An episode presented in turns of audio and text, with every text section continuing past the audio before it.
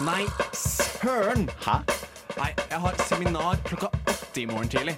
Emneknagg studentliv, ass. Emneknagg? Ja, du vet den tingen du putter bakerst i posta dine på sosiale medier, så folk veit hva du prater om? En hashtag? Nei, nei, en emneknagg. En hashtag. En emneknagg, det er det det heter på norsk, skjønner du. Emneknaggen? Emneknaggen. Studentenes diskusjonsforum?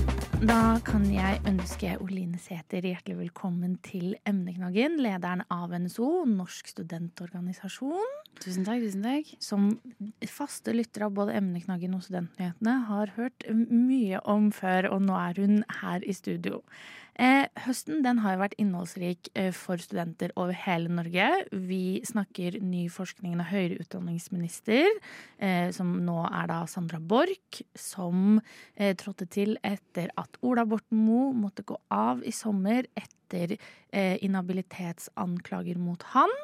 Eh, en minister som på det tidspunktet var erklært av flere store universiteter i landet som persona non grata. Og da lurer jeg på, hvordan har den overgangen eh, for dere i NSO vært å, bytte minister? Jeg ble jo eh, Jeg starta som NSO-leder 1. juli, og han gikk av sånn siste halvdel av juli. Eh, så jeg skal ikke si at jeg selv hadde veldig mye erfaring med å jobbe med Ola Borten Moe, men jeg kan iallfall si at det å jobbe med Sandra Borch har vært den høsten Det har vært et godt samarbeid. Hun er veldig ja, lyttende og møtende, og selv tatt initiativ til noen møter, og, og følger opp på det som vi, vi spør henne om. Eh, så det er eh, Det har vært en god høst. Og så er det jo selvsagt eh, uenigheter i, i, politikken. Og når vi diskuterer studiestøtte, så har hun jo også sagt sånne ting som at hun, hun betviler sammenhengen mellom det å ha dårlig økonomisk situasjon og hvordan det kan påvirke psykisk helse, når det er ganske tydelig at det det sier forskningen at har en tydelig sammenheng. Eh, så det er jo ikke, er ikke perfekt, det er ikke smertefritt, men eh, stort sett så syns vi at hun, hun gjør en, en, solid jobb, da. Så det setter vi pris på. Ja, for eh, hun har jo selv vist til at hun var student for ikke så veldig lenge siden på Universitetet i Tromsø, hvor hun tok en jusutdannelse. Og har sagt da blant mye offentlige medier at hun har lyst til å ha kontakt med studenter, eh, og har eh, altså deres medlemmer eller studenter som dere har mye kontakt med, merket en, merket en økt kontakt fra henne direkte til studenter? Hun har jo når hun har besøkt institusjonene, og det har hun gjort mye i løpet av den første høsten nå som hun har vært minister, også vært veldig tydelig på at hun ønsker å møte studenter og snakke med de. Og det får vi også gode tilbakemeldinger på at studentene opplever at hun er interessert i å, i å snakke med de.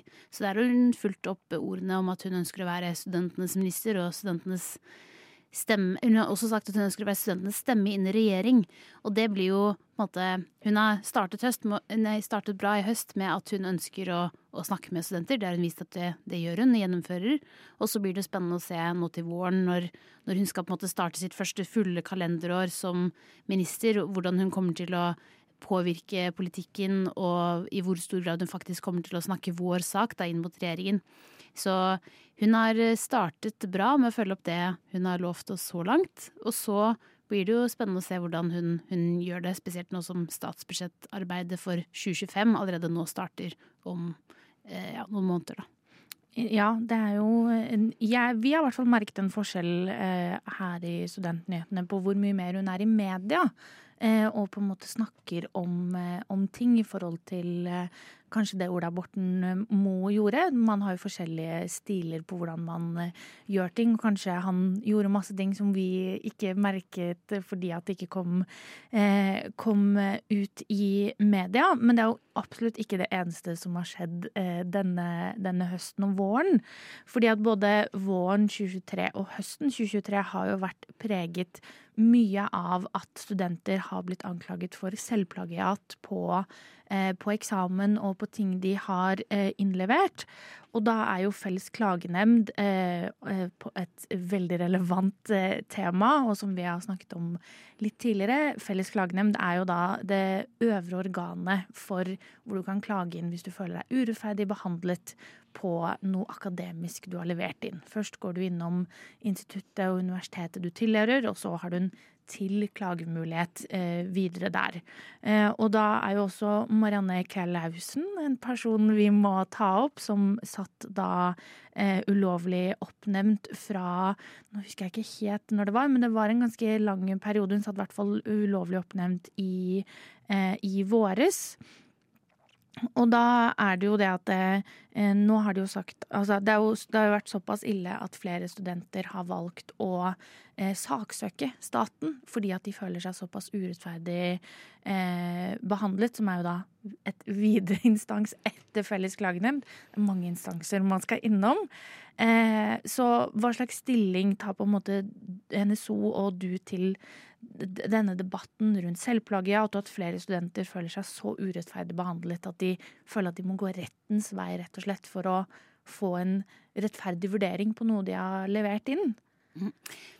Studentenes rettssikkerhet og det at vi skal ha gode muligheter for å både vite våre rettigheter og kunne klage dersom vi opplever at de ikke blir fulgt, det er noe vi i Norsk studentorganisasjon er veldig opptatt av og har prøvd å sette på, på agendaen i høst der har det jo vært mange saker som går litt sånn inn i hverandre, og det er flere eh, aspekter her. Så hvis vi tar liksom selvplageringssakene først, så har det handlet om at det ikke har vært definert så veldig godt hva selvplagering er, hva det er for studentene, og hvor alvorlig man skal tolke et eventuelt brudd. Og så har man fordi at man ikke har tydelige nasjonale retningslinjer eller lovverk på hva selvplagering er, og konsekvensene av det, så ser vi at institusjonene har tolket det som faktisk står nasjonalt, ganske annerledes. Og da fører det også til at eh, en utdanningsinstitusjon tolker det nasjonale eh, regelverket, som er veldig tydelig, ulikt fra en annen institusjon. Og da har man også studenter som potensielt måte, gjør samme handling, de blir behandlet og potensielt også straffet ulikt. Og det er jo veldig imot måte, generelle rettsprinsipper, at du skal være lik overfor loven og, og, behandles på lik måte, gitt den handlingen du har utført. Så det har vi prøvd å sette på kartet, og der er det arbeid på gang hvor det er foreslått en spesifisering nasjonalt for hva selvplagering er, og hva som faktisk skal straffes. Vi har sett studenter som har blitt straffet fordi at de har eh, sitert eh, noe notater de har lagt ut på nett, men som aldri har vært levert inn til utdanningsinstitusjonen, og de faktisk har levert det inn til liksom en vurdering og fått uttelling for det på en, en eksamen, f.eks. Og nå skal det tydeliggjøres, og for, forslaget er at eh, man skal kun bli liksom tatt for selvplagering dersom man siterer noe som eh, man faktisk har fått uttelling for. Og det er en spesifisering vi mener er god, det er i riktig retning. Og det er eh, Vi syns jo det er eh, bekymringsverdig at studenter har fått eh, ganske harde straffer og blitt utestengt fra, fra, sine studier for noe som egentlig har vært veldig vanskelig for de å forstå at egentlig er ulovlig. Så eh, vi har tatt til orde for at studenter må både ha et tydelig regelverk å forholde seg til, og så må de få god veiledning. Og når de da går inn i en klageprosess, så må de ha gode prosesser for klaging. Og det handler om at uh, de skal få muligheten til å uh, tale sin sak når de klager. De skal få lov til å si hva de opplever at er urettferdig og ikke rimelig. Og så, når de, uh, hvis de velger å klage på nasjonalt nivå, så skal de også ha en nasjonal klagenemnd, da, som Marianne Clausen var leder av, som er riktig sammensatt med kompetente personer, og at Kunnskapsdepartementet har klart å oppleve, oppnevne en leder som ikke burde vært oppnevnt, det har vi vært veldig kritiske til. Og vi mener at også de sakene som er blitt behandlet, alle sammen, under den tiden hvor Marianne Clausen var leder, at de skal behandles på nytt. Der er ikke Kunnskapsdepartementet enig med oss. Så er det fortsatt litt utvikling i den saken, så vi skal, skal ikke konkludere ennå. Men det er, det er viktig at man gjør det, da.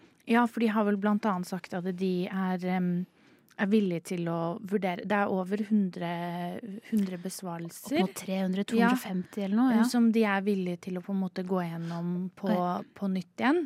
Mm. Eh, og eh, jeg tenkte personlig for de studentene det gjelder, at det må være sånn OK, nå har jeg faktisk muligheten til å, eh, til å bli, bli, trodd. Og i forhold til det selvplagiatet så har det vært flere forskere og lektorer og professor, altså folk som jobber innenfor akademia, som har sagt at ja, men selvplagiering, det gjør jo jeg hele tiden. Mm. Jeg plagerer meg selv hele tiden fordi at det er så så mange måter jeg kan gjøre noe på, og det er jeg som har kommet på akkurat denne setningen. Jeg kan ikke referere til meg selv hele tiden. Det blir bare rart å skulle gjøre. Så det er jo absolutt på en måte en positiv endring som dere i NSO jobber for, og som det også virker som at eh, politikerne har lyst til å bli tatt, at man skal bli tatt alvorlig, og at rettssikkerheten til studentene skal være lik uansett hvor Ja. man er. Og da VG avdekket i tidlig høst at Marianne Clausen var ulovlig oppnevnt, så var Sandra Borch relativt tidlig ute med å si dette skal vi rydde opp i, dette skal vi se på, og dette skal vi finne ut av. Så det igjen taler jo godt for eh, henne som minister, da. Em, og så tenker vi at det er spesielt at studenter skal ha uh, strengere regler å forholde seg til og i forhold til hva som er selvplagering enn forskning. Fordi vi studerer, vi lærer noe, og selvsagt skal vi opptre redelig og liksom vise hvilke verk vi har lest og hva det handler om. Men det må være liksom rimelig og fornuftig også for oss. Så når forskere og folk som er ganske høyt oppe i forskningssystemet uttaler at dette virker urimelig strengt, så har vi ja, det har vi på en måte satt pris på, da, at støtten kommer den veien. Også til og med folk som kanskje er sensorer, og som da plutselig må forholde seg til det og har sånn Hæ, dette gjør jo jeg, på en måte. Ja. Det blir bare rart hvis jeg ikke skal bli straffet for dette, men de skal, de skal bli det.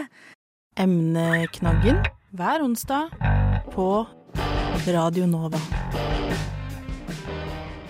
Eh, og så er det jo Man fikk, man fikk jo en gladnyhet, eh, var det i hvert fall eh, tror jeg det står i VG at det var en gladnyhet til studenter. En julegave til studenter eh, på slutten av høstsemesteret i 2023. Eh, og jeg regner jo med at dere i NSO også ble relativt glad for dette. Og det er jo at studiestøtten den skal økes. Og kan ikke du fortelle litt hva, hva skjer? Hva betyr dette? Ja, situasjonen er absolutt ikke bare mørk for studenter. Det som eh, skjedde i slutten av november, første helg i desember, var jo at statsbudsjettet ble landet mellom regjeringen og samarbeidspartneren deres eh, SV. Så der landet de at studiestøtta fra august 2024 skal øke med 10 i dette studieåret, august 2024 til og med juni 2025, så er studiestøtta på ca. 137 000 totalt i løpet av året. Nå skal den øke med 10% så det blir vel opp mot ca. 150 000 da, for studieåret 20, eh, august 2024 til og med august, nei, juni 2025. Så det er en betydelig økning, eh, og det er veldig riktig retning av hva vi ønsker. Og Norsk studentorganisasjon har politikk på at vi ønsker en studiestøtte på det vi pleier å si er 1,5 G. Så hvis jeg kan forklare hva det betyr, for det er ikke selvforklarende, så handler det om at vi ønsker um, at studiestøtta skal være på lik linje med andre trygdeordninger. Og der er trygdeordninger som for eksempel ja, alle som går på trygd, da, de eh, får trygd utbetalt basert på et beløp som kalles grunnbeløpet i folketrygden. Og i år så ligger det på ca. 118 000 grunnbeløpet. Og vi ønsker at studiestøtte skal være 1,5 ganger grunnbeløpet. Så for dette årets studieåret så vil det være ca. 177 000 i året. Og vi er på 137 000, så det er 40% da vi mangler i år for at vi skal være på det nivået vi mener er riktig. Og det handler om at man skal ha like muligheter til å studere, og da skal ikke økonomi være en utfordring. Vi er ikke imot at man kan ha en deltidsjobb, men, men det er viktig at man har en robust økonomi som skaper forutsigbarhet i studiehverdagen, slik at man først og fremst kan prioritere studiene og, og lene seg på det, og så kan man eventuelt spe på da, med en, med en deltidsjobb.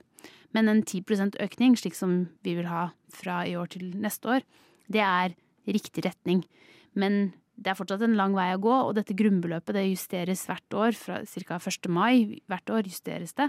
Så selv om basert på grunnbeløpet som gjelder for store deler av 2023-2024, så selv om vi da har en økning opp mot det, så vil jo grunnbeløpet igjen justeres da 1. mai, før 10 økt studiestøtte trer i kraft august 2024. Så hva studiestøtta for neste studieår faktisk blir på, sett opp mot det oppjusterte grunnbeløpet som trer i kraft 1. mai 2024, det blir jo spennende å se. Ja, fordi at nå er jo eh, Det er jo, som du sa, en av hjertesakene til NSO. Fordi at nå er jo studiestøtta koblet opp til konsumprisindeksen. eh, Og at det er noe annet enn eh, annet enn grunn, grunnbeløpet. man kan faktisk si at den ikke er koblet opp til noe som helst. Ja. fordi vanligvis så pleier jo politikerne og regjeringen å justere studiestøtta basert på hvor mye prisene stiger i løpet av året. Men de kan la være hvis de ønsker det. Ja. det er bare, men da gjør det seg selv enda mer upopulære. Da. Ofte så gjetter de hva vil prisveksten være for neste år. Ok, men Da justerer vi opp det for neste år. Men så vet vi jo at prisene er uforutsigbare, så ofte så lander de litt under også da, på den justeringen, basert på hva prisveksten faktisk, blir. Så vi mener at det å knytte det opp til G vil være å sikre et beløp som er rimelig høyt, men også en mye mer forutsigbar justering utover det å bare gjette seg fram til hva man tror prisveksten blir neste år. Det blir liksom å ja, stikke fingeren inn i munnen og håpe at man eh, ja, finner vindretningen. Men tenker dere at eh, dette på en måte er et, eh, et oppspark videre til å, å endre eh, At det faktisk får studiestøtta inn i grunnbeløpet? At kanskje man blir tatt litt mer eh, i gåstein seriøst? Eh, tenker dere at det er et, et steg på veien? Vi er forsiktig optimistiske opp mot neste år og, og de siste årene av denne regjeringsperioden, fordi eh, regjeringen Prosessen er jo at regjeringen foreslår et statsbudsjett, eh, og der foreslo de, i, da de kom med det i oktober, bare en liten justering, eh, basert på hva de tror prisveksten blir. Og så eh, kom SV, som de regjeringen forhandler med, og sa at nei, nei, vi ønsker en mye eh, større økning. Og vi mener at på sikt så er grunnbeløpet riktig. Um, og ja, og feste setter på det. Så regjeringen SV vil jo sannsynligvis også forhandle om statsbudsjettet til høsten igjen. Så det at de har vært så tydelig ute nå, det er ja, positivt for fremtidig studiestøtteutvikling, da. Så der kommer vi i Norsk studentorganisasjon til å jobbe hardt på og si til SV og regjeringen at det er, det er grunnbeløpet det handler om, og vi må ha mer fordi vi ser at studiestøtta den, ja, den er, har fått vekst, en vekst nå, men eh, prisene stiger også samtidig, så hvor vi ender, det er usikkert. Ja, det, altså, det, det, er det er vanskelig å si, og vi har prøvd å forklare tidligere på en måte hva er grunnbeløpet i folk Altså, det er, det er komplisert, og kanskje derfor også vanskelig um, Vanskelig for folk å engasjere seg i det. At de er sånn Ja, jeg vet ikke helt hva det er, og man har kanskje ikke em, mottatt eh, på en måte trygd fordi at man er relativt unge. Man har kanskje familie, venner på en måte som gjør det, men man har ikke måttet forholde seg til det som man kanskje gjør senere i livet. da. Eh, og at eh, det er i hvert fall for meg jeg, jeg er sånn NSO. Da er det å få studiestøtta inn i eh, grunnbeløpet i folketrygda. Det er sånn automatisk kobler dere. Ja. Så jeg håper liksom at regjeringen også, og politikere generelt, eh, gjør det. Emneknaggen hver onsdag på Radio Nova. Nå er jo vi helt på begynnelsen av et nytt år. Ikke et nytt studieår, men et nytt semester. Eh, og da er det jo mye snakk om nyttårs, nyttårsforsetter, og det er jo ofte noe man vil endre på seg selv. Eh, og jeg tenker at det blir litt hardt å si sånn Hva vil dere NSO endre på dere selv? Men mer hva slags ønsker har dere for eh, det semesteret som kommer nå, og for på en måte eh, hele året?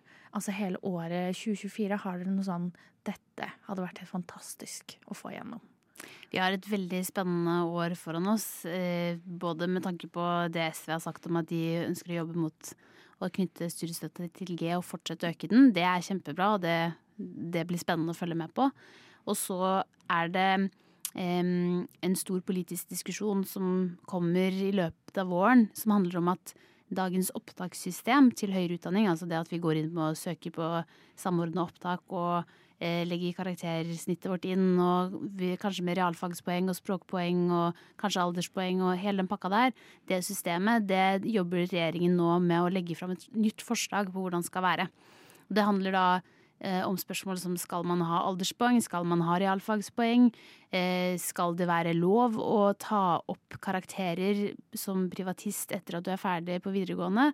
Ja, skal folkehøyskole telle poeng? Altså disse poengene, da, stort sett, og det å ta opp karakterer, det er litt oppe i lufta nå. Og det har vært eh, forslag som har tidligere vært debattert, som sier at man f.eks. ikke skal få lov til å ta opp karakterer. Og de foreslår også å fjerne alle typer eh, sånne ekstrapoeng. Eh, og der Det har jo veldig stor konsekvens da, for fremtidige studenter hva slags system man legger til grunn når vi skal søke oss inn på, på studier. Og her mener vi i Norsk studentorganisasjon at man skal ha eh, Først og fremst så skal flest mulige studenter komme inn gjennom å søke på karakterer. Og så mener vi at det er helt riktig å fjerne alle typer poeng. Fordi med en gang man legger på flere poeng, så blir det eh, mange ulike faktorer, mange ulike ting som vi må tenke på. Det gjør det utydelig og mer uforutsigbar, uforutsigbart. Og det at alderspoengene eksisterer, gjør at mange venter noen år for, før de har nok poeng til å faktisk søke seg inn. Så vi er litt eh, sånn svart-hvitt på det. Vi tenker at eh, vi bare fjerner alle. Det er riktig, og det er også et sånt eh, offentlig utvalg som har foreslått å gjøre, så der lener vi oss på deres grundige vurdering.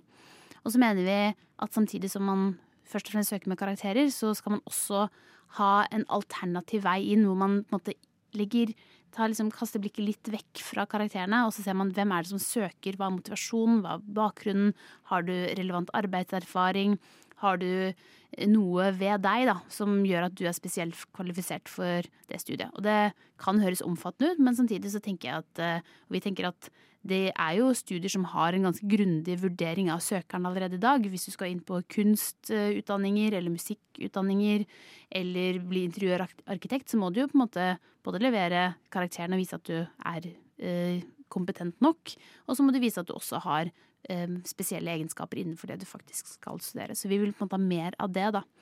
Men eh, der er det veldig usikkert for oss hva regjeringen kommer til å foreslå, så det blir veldig spennende. Og håper at eh, liksom, lytterne her følger med på det, da, for det er jo en stor konsekvens. Hva tenker dere rundt å f.eks. Um, eh, ta på en måte opp et fag, for, eller ta et nytt fag. Eh, si at man mangler, eh, man mangler R1, eh, og så tar man opp Ikke for, for, karakterene, men for å komme inn på eh, komme inn på en eh, spesiell linje.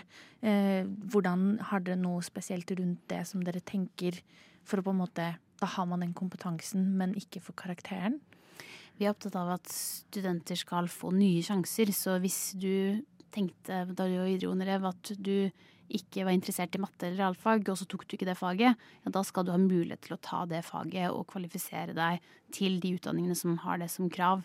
Så absolutt, det skal være mulig å, å skaffe seg kompetanse etter at man har fullført videregående. Så ingen tvil om det. Eh, og så snakket vi litt om før eh, sending i forhold til eh, studentbolig og den type ting. Det tenker jeg også at dere er opptatt av. Vi vi har jo fulgt eh, Det var spesifikt i Oslo og Akershus, som vi snakker mest om. Og der var det jo en positiv nyhet. Det var jo at alle partier som stilte til eh, bystyret og kommunevalget her i Oslo, de sa vi vil ha flere studentboliger. Eh, og det er jo selvfølgelig veldig positivt, men hvordan, hva slags stilling tar dere rundt studentboliger. Jeg regner med at dere ønsker flere? Vi ønsker også flere. Og det er ikke bare for å på en måte sikre studentenes og vår egen velferd, men eh, det vi ser er jo at eh, boligprisene stiger eh, mye for tiden. Jeg leste et tall i dag om at det koster ca. 16 000 i gjennomsnitt å leie en bolig i Oslo. Det er sikkert mer enn bare en liksom, liten ettroms, men det koster en god del, da. Um, så vi vil ha først og fremst flere boliger på eh, utleiemarkedet. For jo flere boliger, jo, jo, mindre konkurranse mellom de som faktisk vil leie bolig, og, og dermed kan man også senke prisene for, for bolig. Så, eh, og så mener vi da at når man skal bygge flere boliger, så er det bra med studentboliger, for de er jo eh, støttet av staten, og de gjøres tilgjengelig for studenter som allerede er i en presset økonomisk situasjon. Så det er liksom en bra gruppe å rette seg mot, da, som er lett å å liksom lage et spesifisert tilbud til. Um, så derfor sier vi ja til flere boliger, og spesifikt studentboliger. Og så liker vi når politikerne sier at eh, vi vil bygge studentboliger. Og det vil også samskipnadene, som er de som er hovedansvarlige for å bygge flest studentboliger i Norge. Det som er utfordringen, utfordringer, er jo at eh, det er uh, dyrt for tiden. Eh, og det kjenner samskipnadene på, og det er vanskelig å finne liksom, eh, løsninger på eh, tilstrekkelig Altså finne gode boligprosjekter da, som faktisk lar seg gjennomføre. Så vi opplever at alle er egentlig ganske villige, men det er en vanskelig og litt fastlåst situasjon. Men så er vi, vi er optimister, så vi jobber med både stat og kommune og regjering eh, og samskipnadene for å finne flere eh, og jobbe med flere boligprosjekter. Det, her kan kommunene også virkelig hjelpe til med å tilgjengeliggjøre tomter, som ofte er ganske dyrt for samskipnadene å kjøpe. Eh, og så kan regjeringen også støtte eh, samskipnadene mer og ta en større liksom, eh, andel av utgiftene da, ved hvert boligprosjekt. For det var jo flere politikere som viste til at det å bygge eh, flere studentboliger vil ha en positiv i, i ringvirkning med at du med at du tar på en måte litt Du tar på en måte studentene litt sånn ut av det private markedet. Ikke alle, altså man skal få lov å velge selv hvor man vil bo, men hvis du tar ut flere av det private markedet, så vil også generelt eh, markedet kanskje roe seg bitte lite grann ned, eh, og vil gjøre det mulig for folk som ikke er studenter, og, eh, på og eh, kunne enten leie eller kjøpe til en billigere penge, som jeg tror de aller fleste har veldig lyst til. Ja, det tror jeg er bra for mange. Ja. Ja. Eh, I forhold til psykisk helse, altså er det noe sånn Psykisk helse er jo et tema man ofte snakker eh, om. Er det på en måte Har du noen ønsker rundt studentene sin psykiske helse? Ja, vi tenker at det viktigste man kan gjøre for å gjøre det lettere å være student i dag, er å gi oss en mer robust og forutsigbar økonomi, og dermed øke studiestøtta. Eh, Jeg vet iallfall med meg selv, og der har jeg, jeg har vært student i en del år nå. Og det, de semestrene hvor jeg, det har vært ekstra trangt, har også vært de som har vært tøffest å, å leve gjennom. Fordi når du skal eh, både ja, bo i kanskje en ny by, og så skal du prøve å eh, være sosial og finne deg venner og trives der, og så eh, skal, har du en eksamen som skal bestå. Hvis du i tillegg skal da bekymre deg for om du klarer å betale neste husleie, da blir livet ganske krevende. Det har påvirket iallfall min søvnkvalitet i perioder. Så det å liksom gi forutsigbare rammer for det å være student, gjør jo at du også har tid og mulighet til å investere i det som er bra for deg. Henge med de vennene som gir deg god støtte og støtter opp når livet er kjipt. Men for all del også kunne gå til eh, helsehjelp og, og prioritere både å bruke tid på det, og eventuelt også betale den egenandelen som finnes ved, ved sånne tilbud. Så, så studiestøtte er vår sak nummer én, også pga. psykisk helse. da. Ja, og det rett og slett kan løse mange problemer eh, på, på, på en gang. Eh, da vil jeg si tusen hjertelig takk for at eh, du kom, Oline Sæther, eh, som da er leder i NSO, Norsk studentorganisasjon.